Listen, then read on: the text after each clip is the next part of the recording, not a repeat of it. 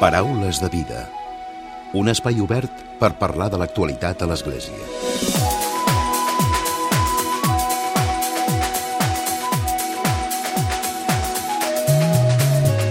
Què tal? Salutacions i molt bon dia, molt bon diumenge.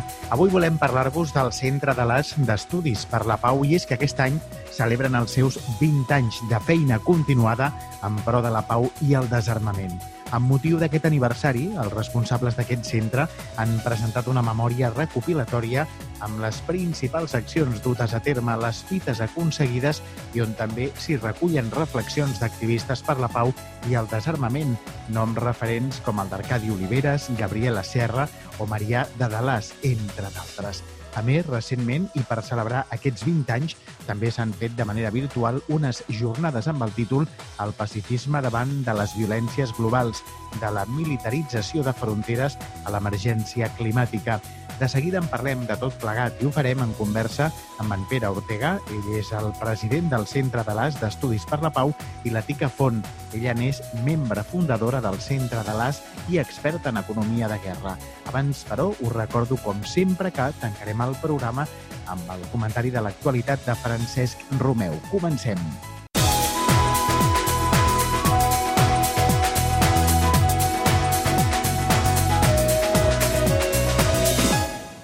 Paraules de vida amb Emili Pacheco. Tica Font i Pere Ortega, bon dia i benvinguts al Paraules de Vida. Bon dia. Bon dia a vosaltres. Parlem de- d'aquests 20 anys del Centre de l'AS d'Estudis per la Pau. Parlem de- d'una feina incansable que des de fa molts anys s'està fent, en aquest cas per aconseguir la pau. Suposo que és una feina que encara a dia d'avui s'ha de reivindicar i s'ha de fer de manera molt constant, no? Sí, passen els anys, hi ha petits canvis, però canvis profuns eh, ni un, eh? eh? Canvis petits que veiem és que quan nosaltres vam començar en aquest tema no hi havia cap llei que regulés, per exemple, ni el comerç d'armament, ni res. El govern no feia informes, hem acabat obligant a que hi hagi una llei, a que es faci uns informes, però així i tot no s'han evitat les exportacions, per exemple, d'armament, ni la producció d'armament. Més al contrari, se produeixen més armes que mai en Espanya, se'n venen més, el pressupost de defensa any rere any augmenta, seguim, seguim. Jo volia afegir una altra cosa, que a veure, el treball per la pau és un treball eh, de dia a dia, de constant, és allò de que recitava el Machado, que se hace el camino al andar. Dic això perquè la pau es construeix cada dia i la fita final eh, no la veus. És allò que és com l'utopia, que cada vegada que tu avances un pas, ella retrocedeix un pas, però és incansable. Nosaltres, eh, el treball de, per cercar l'utopia, no vull dir que la pau no sigui possible, que no és una utopia, perquè la pau és possible perquè és una activitat humana la que pot aconseguir, aconseguir que les violències s'apaivaguin o arribin a desaparèixer i algunes s'han desaparegut en la, en la llarga història de la humanitat. Per tant, el treball per la pau és un treball dia, diari. I jo diria que en aquests 20 anys sí que hem avançat, i hem avançat bastant, sobretot en una qüestió, que és que hem aconseguit que la pau estigui en l'agenda de, sobretot dels moviments socials, tots els moviments socials ja reivindiquen com una activitat al costat dels drets humans, del, de l'ajut al desenvolupament, eh? al costat de la igualtat entre home i dona, la qüestió de gènere, doncs que la pau també estigui present. I, per tant, i també en l'agenda de la política, perquè, agradi o no, els polítics que no són molt partidaris de precisament de treballar per la pau, i ho dic amb tota sinceritat, no massa, consideren que és una qüestió col·lateral, també la tinguin present. Vosaltres denuncieu aquests dies, heu comentat, heu fet una anàlisi, una analítica del que és el, el pressupost de, per l'any que ve de, de l'estat espanyol. En aquest cas denuncieu que creix un, en 664 milions, és a dir, que és un 6,5% més respecte d'aquest any. Per aturar això, què és el que s'ha de fer? O què és el que, quins instruments tenim com a societat i, en aquest cas, moviments o centres com vosaltres que esteu denunciant de manera constant aquesta situació? Eh, els 664 milions que dius han, eh, és l'aportació és una petita aportació al costat dels 21.400 milions que ens gastem en, en, en la despesa militar, que és el pressupost que es presenta per la seva aprovació per l'any que ve en defensa. Els 664 milions els destaquem perquè per nosaltres és una vergonya que aquests milions es destinin a la fabricació de noves armes. És la I D, la RD, eh? recerca i desenvolupament de nous armaments. I són les ajudes en crèdit que dona eh, diguem, a l'Estat, al govern, a les empreses militars per fabricar nous armaments. Per això és el que més ens crida l'atenció, perquè en un moment d'una crisi galopant que estem patint per culpa de la pandèmia del Covid-19, doncs eh, es, no es prioritza, perquè la veritat és que més prioritat pel tema de la sanitat, perquè augmenta importantment el pressupost de sanitat, però en canvi dediquem 664 milions a fabricar nous armaments. Això per nosaltres és molt negatiu. Bueno, jo aquí diria que, o almenys afegiria, que històricament nosaltres ens hem apuntat a moltes lluites per desarmar en el món. Eh? Ens vam apuntar, i jo crec que la gent encara recordarà, eh, les lluites perquè es prohibissin les mines antipersona. Després, les bombes Cluster. A nivell internacional, que hi hagués un tractat que prohibés bueno, que regulés el comerç internacional d'armament. Actualment estem amb les campanyes de que el, el tractat de prohibició d'armes nuclears entri en vigor. Ja hi ha 50 estats que l'han firmat. Ja començarà a entrar a, en vigor en, en no res. Estem també en la campanya de que es prohibeixi la confecció, construcció, disseny d'armes d'intel·ligència artificial que elles decideixin quan i qui s'ataca, sense intervenció humana. Nosaltres treballem en tot això, però nosaltres doncs, veiem que Espanya o la Unió Europea o els governs posen molts milions per desenvolupar aquest tipus d'armament. Nosaltres anem al darrere, a la zaga, de que no s'inverteixi en aquests nous dissenys d'armes eh, dotats d'intel·ligència artificial i que redueixi el de la despesa militar en favor de la despesa social. Eh? Uh -huh. Sí que vosaltres el que denuncieu és que ara, per exemple, a l'estat espanyol hi ha un govern progressista, un govern de coalició amb dos partits que són d'esquerres i que potser aquesta tendència no hauria de ser aquesta. No sé fins a quin punt també els lobbies pressionen des del punt de vista armamentístic. Eh, hi ha molta pressió, suposo, pels governs. Sí, evidentment. Així és. Eh, nosaltres parlem sovint de, de l'existència d'un complex militar industrial. Això és el lobby. És el lobby que pressiona el govern i condiciona les polítiques de defensa i de seguretat del govern, eh, de tots els governs. Eh? No solament és el cas de l'estat espanyol, el més clamorós és el dels Estats Units, evidentment, però l'estat espanyol també. I què és el complex militar industrial? Doncs els interessos privats, diguem així, dels accionistes i directius de les indústries militars que, conxabats amb les èlits polítiques, sobretot lligades al Ministeri de Defensa, quan dic els, eh, alguns polítics, eh? i també els alts comandaments de les Forces Armades que, d'alguna manera, han de justificar la seva professió i la seva feina, eh? Eh, adquirint nous armaments perquè, eh, d'alguna manera, es preveu que l'estat espanyol ha de tenir una defensa que prevegui qualsevol conflicte mundial o inclús al, al territori espanyol, llavors adquireixen aquest tipus d'armament. Eh? Per tant, aquests són els, els grans beneficiaris, que són una petita, en realitat és molt petita la, la, la, les persones que es beneficien, perquè el govern acostuma a justificar l'adquisició d'aquests armaments, eh, la, perquè és la part grossa de, del, del pressupost de defensa. Eh, bueno, la part grossa és el manteniment de l'exèrcit, pagar el, els salaris del, dels militars. Però bueno, la part grossa i que nosaltres denunciem és l'adquisició de nous armaments. Abans he parlat de que es dediquen 664 milions a I més D per a noves armes. Però és que, a més a més, està el pagament d'aquestes armes. I l'any que ve es preveu pagar 2.360 milions a les empreses militars per l'adquisició d'aquestes armes. Una cosa és la investigació i l'altra cosa és el pagament de les armes. 2.360. Per tant, aquí estem parlant de quanties importants.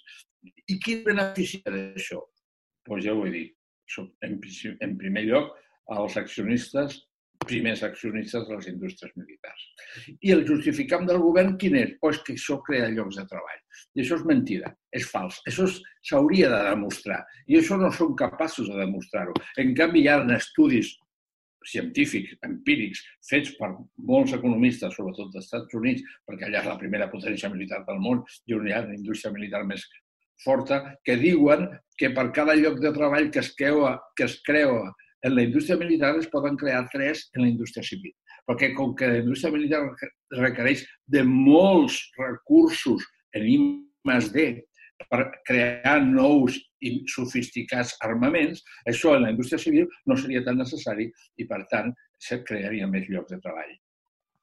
Mira, jo crec que l'altre, o voldria comentar-te l'altre sí. raonament que nosaltres estem abundant és que la crisi aquesta actual, la pandèmia en la que estem vivint, ens ha fet reflexionar-nos nosaltres, crec que a tota la societat, sobre quina seguretat volem.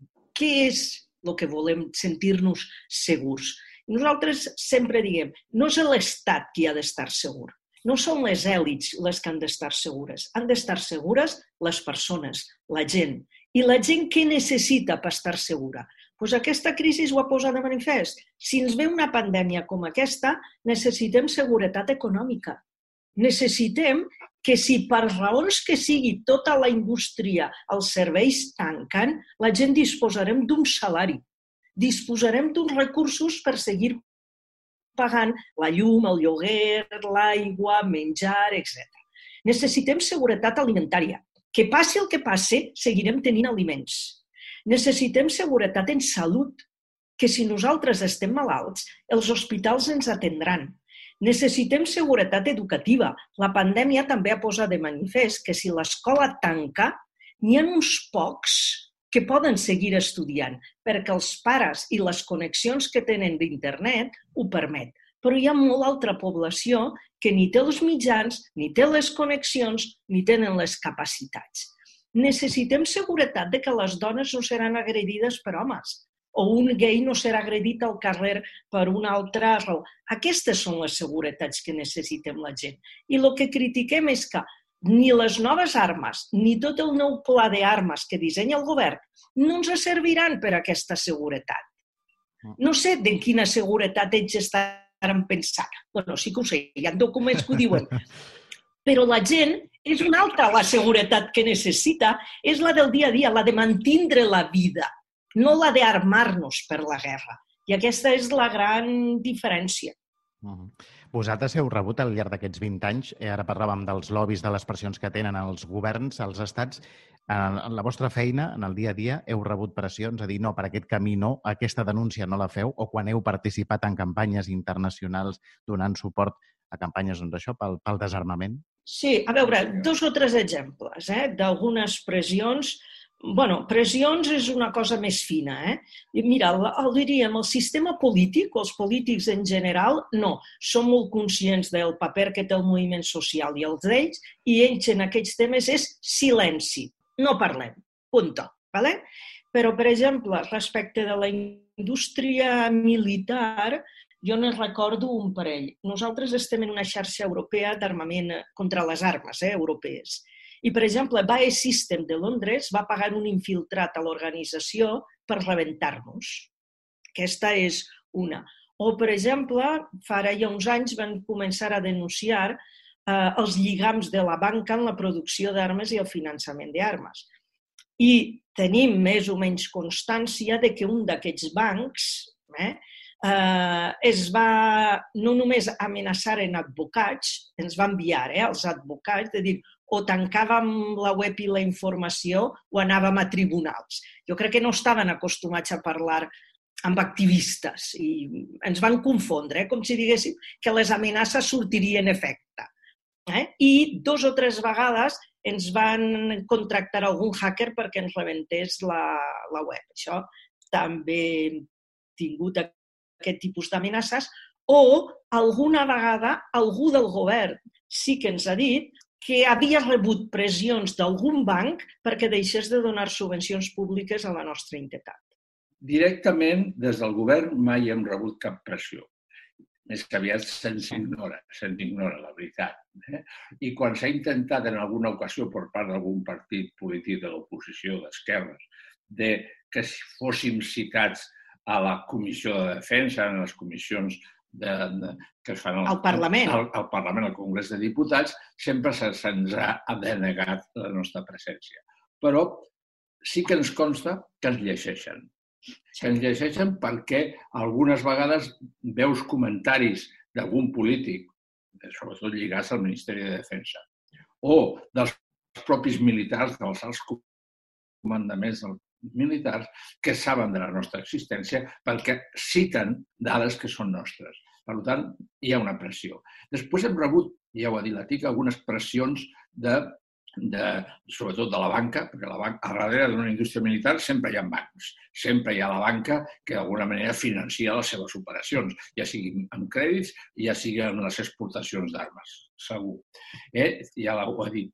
Però també hem rebut i recordo perfectament eh, quan hem intentat fer boicots a algunes de les fires d'armament que es fan en Espanya. Eh? Eh, una que es, sí. que es volia fer a Reus fa molts anys, que nosaltres vam denunciar, vam rebre pressions dels que, organitzadors de la fira d'armament de Reus.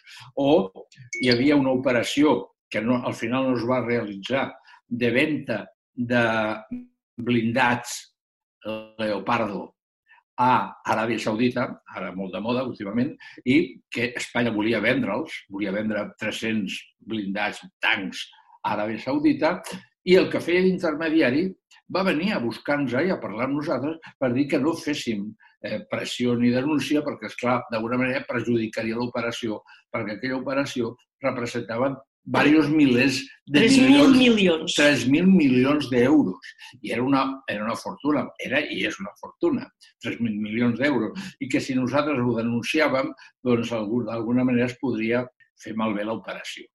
Mm. Evidentment, no s'hi vam fer cas, però sí, hem rebut pressions.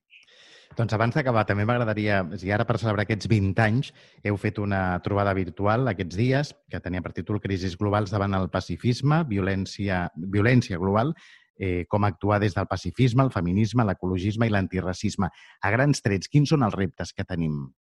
Jo crec que el gran repte eh, actual és que tenim molts moviments fragmentats. Ecologisme, feminisme, LGTBI, pacifisme... I tenim més connexions que diferències. Jo crec que estem, el nostre repte intern com a moviments és generar més sinergies entre tots nosaltres. Eh? I l'altre gran repte en el qual jo crec que treballem, fixa que aquest és un repte molt micro, eh? i és que treballem junts moltes organitzacions diferents. E inclús que l'Església que tant fa, en aquest cas, mira, el papa ha fet molt en el tema dels robots assassins, de les armes nuclears, de les armes en general. Necessitem més sinergies locals entre grups, inclús grups locals de les esglésies, siguin catòliques o protestants, etc. Però a nivell macro necessitem també de molta pressió internacional conjunta, tots alhora. Uh -huh. Són els dos grans reptes de local i, i global. El gran repte. En aquest moment la, la humanitat està amenaçada per això que he dit, pel medi ambient, pel canvi climàtic la gran amenaça que hi ha en aquest moment sobre el planeta és la, la possibilitat d'un col·lapse planetari eh, que, eh, que, que, que col·lapsi la vida humana. Eh? Bé, doncs aquest gran repte en aquest moment té una vessant molt important de tipus militar i, per tant, la pau ha de penetrar aquí. Quina és? A veure, eh, davant de la, bueno, del canvi climàtic que ve a sobre, que es provocaran grans conflictes eh? l'aixecament del nivell del mar, el, la, el, el, el, el, embrunes, la, embrunes. embrunes, l'enfonsament del, dels pols, eh, provocarà grans catàstrofes climàtiques. I això provocarà alhora conflictes i, sobretot, molt, migracions massives migracions massives d'aquesta gent que molts d'ells serà entre ells, entre els seus propis països del, del sud global, però molts vindran a trucar a la porta dels països enriquits. I quina serà la resposta dels països enriquits? Pues aquest és el gran problema, perquè ja ho estem veient. Hi ha aixecament de murs i valles per impedir la seva arribada i militars en les fronteres que ja estan patrullant per la Mediterrània per impedir la seva arribada. El qual que vol dir? Que hi ha algú que algun, els ecologistes ja anomenen ecofeixisme, que comportarà que els governs puguin ser més autoritaris amb retallada de drets per les persones en general i, per tant, repressió. I això que es tradueix a més conflictes armats. Eh? I, per tant, el gran repte que en aquest moment té també el Moviment per la Pau i tots els moviments socials és de una contraofensiva de tipus cultural per introduir canvis en el sistema de vida dels països enriquits, sobretot, eh? De tot el planeta, però dels països enriquits sobretot, perquè eh, d'alguna manera podem donar una sortida social al conflicte que se'ns ve a sobre amb el canvi climàtic. I, eh, d'alguna manera, contrarrestar aquesta ofensiva d'autoritarisme i de securitització que en aquest moment pot invadir els països enriquits. Tica Font i Pere Ortega, gràcies per haver-nos acompanyat avui per celebrar aquest 20è aniversari de, del Centre de l'AS, que ràpidament recordo en xifres. Teniu una quarantena d'investigadors actualment, presència a Barcelona, Madrid, a València, Granada, Castelló i Guipúscoa, oi? Uh -huh. Sí, sí, sí, sí, és, així és. Doncs gràcies per haver-nos acompanyat avui al Paraules de Vida. Gràcies a vosaltres sí. i bona feina. Moltes gràcies per divulgar aquest tipus d'informacions que no sempre són ben acollits en els mitjans de comunicació. Paraules de vida. L'Església dia a dia. I tot seguit, com sempre, arriba el comentari de l'actualitat de Francesc Romeu. Francesc, molt bon dia. Molt bon dia a tothom. El dimecres de la setmana passada, 11 de novembre, festa del popular Sant Martí de Tours, va morir el bisbe emèrit de Lleida, Francesc Xavier Ciuraneta i Aimí, va ser ordenat sacerdot el 28 de juny del 1964 a Tortosa. Jo el recordo que va venir a Barcelona com a secretari personal del bisbe i després cardenal Ricard Maria Carles, a principis de l'any 1990. Però just un any després, el 12 de juny del 1991, el papa ja el va nomenar bisbe de Menorca. Vuit anys després, el 29 d'octubre del 1999, Joan Pau II el va nomenar bisbe de Lleida, un càrrec que ocuparia pràcticament uns altres prop de vuit anys, fins al febrer del 2007, quan va renunciar per motius de salut, ja que estava greument afectat per la malaltia degenerativa del Parkinson, la qual, en molt poc temps, es va anar apoderant d'ell. Durant el pontificat a Lleida es va construir el nou edifici de Càritas Diocesana i les parròquies de Santa Teresa Jornet i de Sant Antoni Maria Claret, totes dues a la ciutat de Lleida. L'any 2007 va rebre la Creu de Sant Jordi de la Generalitat de Catalunya. Va ser un bon bisbe i un bon pastor proper a la gent senzilla i humil i va defensar a ultrança les obres d'art de les parròquies de la Franja que estaven al Museu Diocesà de Lleida fins al final. Ara les seves despulles resten enterrades a la capella de la Mare de Déu de Montserrat de la Catedral de Lleida, segons la seva voluntat als peus de la patrona de Catalunya, on també està enterrat un altre bisbe emèrit de Lleida, el bisbe Ramon Malla.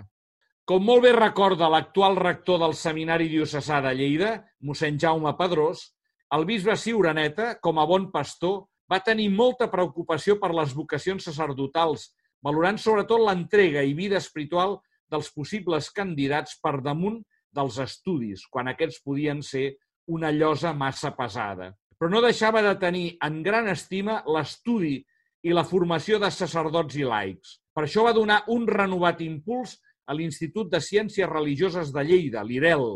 El va omplir de joia la beatificació de diferents màrtirs dels anys 31 al 39, entre ells el seu i nostre estimat beat Francesc Castelló, model de fe cristiana, sobretot pels joves. El bisbe Siuraneta era home d'entranyable devoció a la Mare de Déu, sota les advocacions de Montserrat, verge de l'Acadèmia, patrona de Lleida, i Mare de Déu del Blau, ara el presbiteri de la catedral. Precisament va voler que les seves despulles reposessin en la capella de la Mare de Montserrat que hi ha a la catedral. Són més conegudes altres obres molt importants del seu pontificat. Destaca tota la renovació de l'Acadèmia Mariana, dedicada a la Mare Déu de l'Acadèmia, amb un nou edifici annex com a casa d'exercicis. Tot el conjunt anomenat Casa de l'Església havia de plegar diferents grups i delegacions al servei de la vida eclesial diocesana i afavorir les reunions, recessos i exercicis espirituals dels sacerdots. Molt coneguda és la defensa dels béns culturals, sobretot de les obres d'art del Bisbat de Lleida, que ara formen part del Consorci del Museu, defensa que li va suposar molts sofriments i moltes incomprensions a diferents nivells, fins i tot en instàncies molt altes. Subratllem també la publicació de l'obra històrica Arrels cristianes de Lleida. Potser el millor retrat del bisbe Siuraneta és el que diu el Concili Vaticà II sobre el bisbe. El bisbe, tenint davant l'exemple del bon pastor, que no vingué a fer-se servir sinó a servir i a donar la seva vida per les ovelles, no es negarà a escoltar els súbdits els quals protegeix com a veritables fills en la pregària, en la predicació i en totes les obres de caritat. Es deu a tots i ha de ser amatent a evangelitzar tothom. Molt bon diumenge a tothom. Paraules de vida amb Emili Pacheco.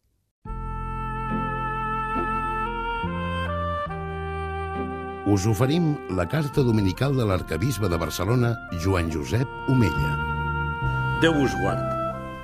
Aquest diumenge, solemnitat de Crist Rei, Iniciem la darrera setmana de l'any litúrgic en què l'Església ens convida a escollir Jesucrist com a líder, model i guia de les nostres vides. Crist, en aquest temps d'angoixa i de dolor per a molts de nosaltres, vol ocupar el centre de les nostres vides, però perquè això sigui possible, cal que optem per ell, que realment ell sigui una prioritat a les nostres vides. Fa uns dies vaig poder llegir el missatge del papa Francesc amb motiu de la 75 Assemblea General de Nacions Unides. En aquest missatge, el papa ens proposa una manera positiva de viure aquest moment de la nostra existència. Diu el papa, la pandèmia ens crida, de fet, a prendre aquest temps de prova com un moment d'elecció, el temps per triar entre el que compta veritablement i el que passa, per separar el que és necessari del que no ho és. El papa, seguint l'exemple de la tradició de l'Església, observa que davant aquesta prova podem reaccionar de dues maneres, triar entre dos camins. Primer, d'una banda, aquest temps de prova pot representar una oportunitat real per a la conversió, per a la transformació, per repensar la nostra forma de vida i els nostres sistemes econòmics i socials, que estan eixamplant les distàncies entre pobres i rics arran d'una injusta repartició dels recursos. Dos, però per altra banda, aquest temps pot ser una retirada defensiva amb característiques individualistes i elitistes, és dir, un camí d'autosuficiència que exclogui els més pobres, els més necessitats, els habitants de les perifèries geogràfiques i existencials. Aquest diumenge, l'Església ens convida a meditar el passatge del judici final que s'inclou a l'Evangeli de Sant Mateu. Quan un medita aquest passatge, descobreix d'una banda l'enorme llibertat amb què ens ha creat Déu i de l'altra la seva invitació a optar pel camí que ens porta a ell. Al capvespre de la vida ens examinaran en la mort, diu Sant Joan de la Creu. El Senyor és el millor professor que podríem tenir per descobrir-ho. Sí, aquest mestre ens revela des d'un principi la pregunta d'examen i a la vegada ens ofereix la resposta per arribar al Déu. Veniu, beneïts del meu Pare, diu Jesús. Rebeu en herència el regne que ell us tenia preparat des de la creació del món, perquè tenia fam i em donareu menjar, tenia set i em donareu beure, era foraster i em vau acollir, anava despullat i em vau vestir, estava malalt i em vau visitar. Era a la presó i vinguereu a veure'm. Sí, Jesucrist, en aquesta última setmana de l'any litúrgic ens recorda la importància de mirar cap al final, d'atendre el que ens espera, de preparar-nos per a l'encontre en majúscules i no oblidem mai que amb la proposta de vida que ens fa ens ofereix també la gràcia de poder viure-la. Que Déu us beneixi a tots. Us hem ofert la carta dominical de l'arcabisbe de Barcelona, Joan Josep Omella.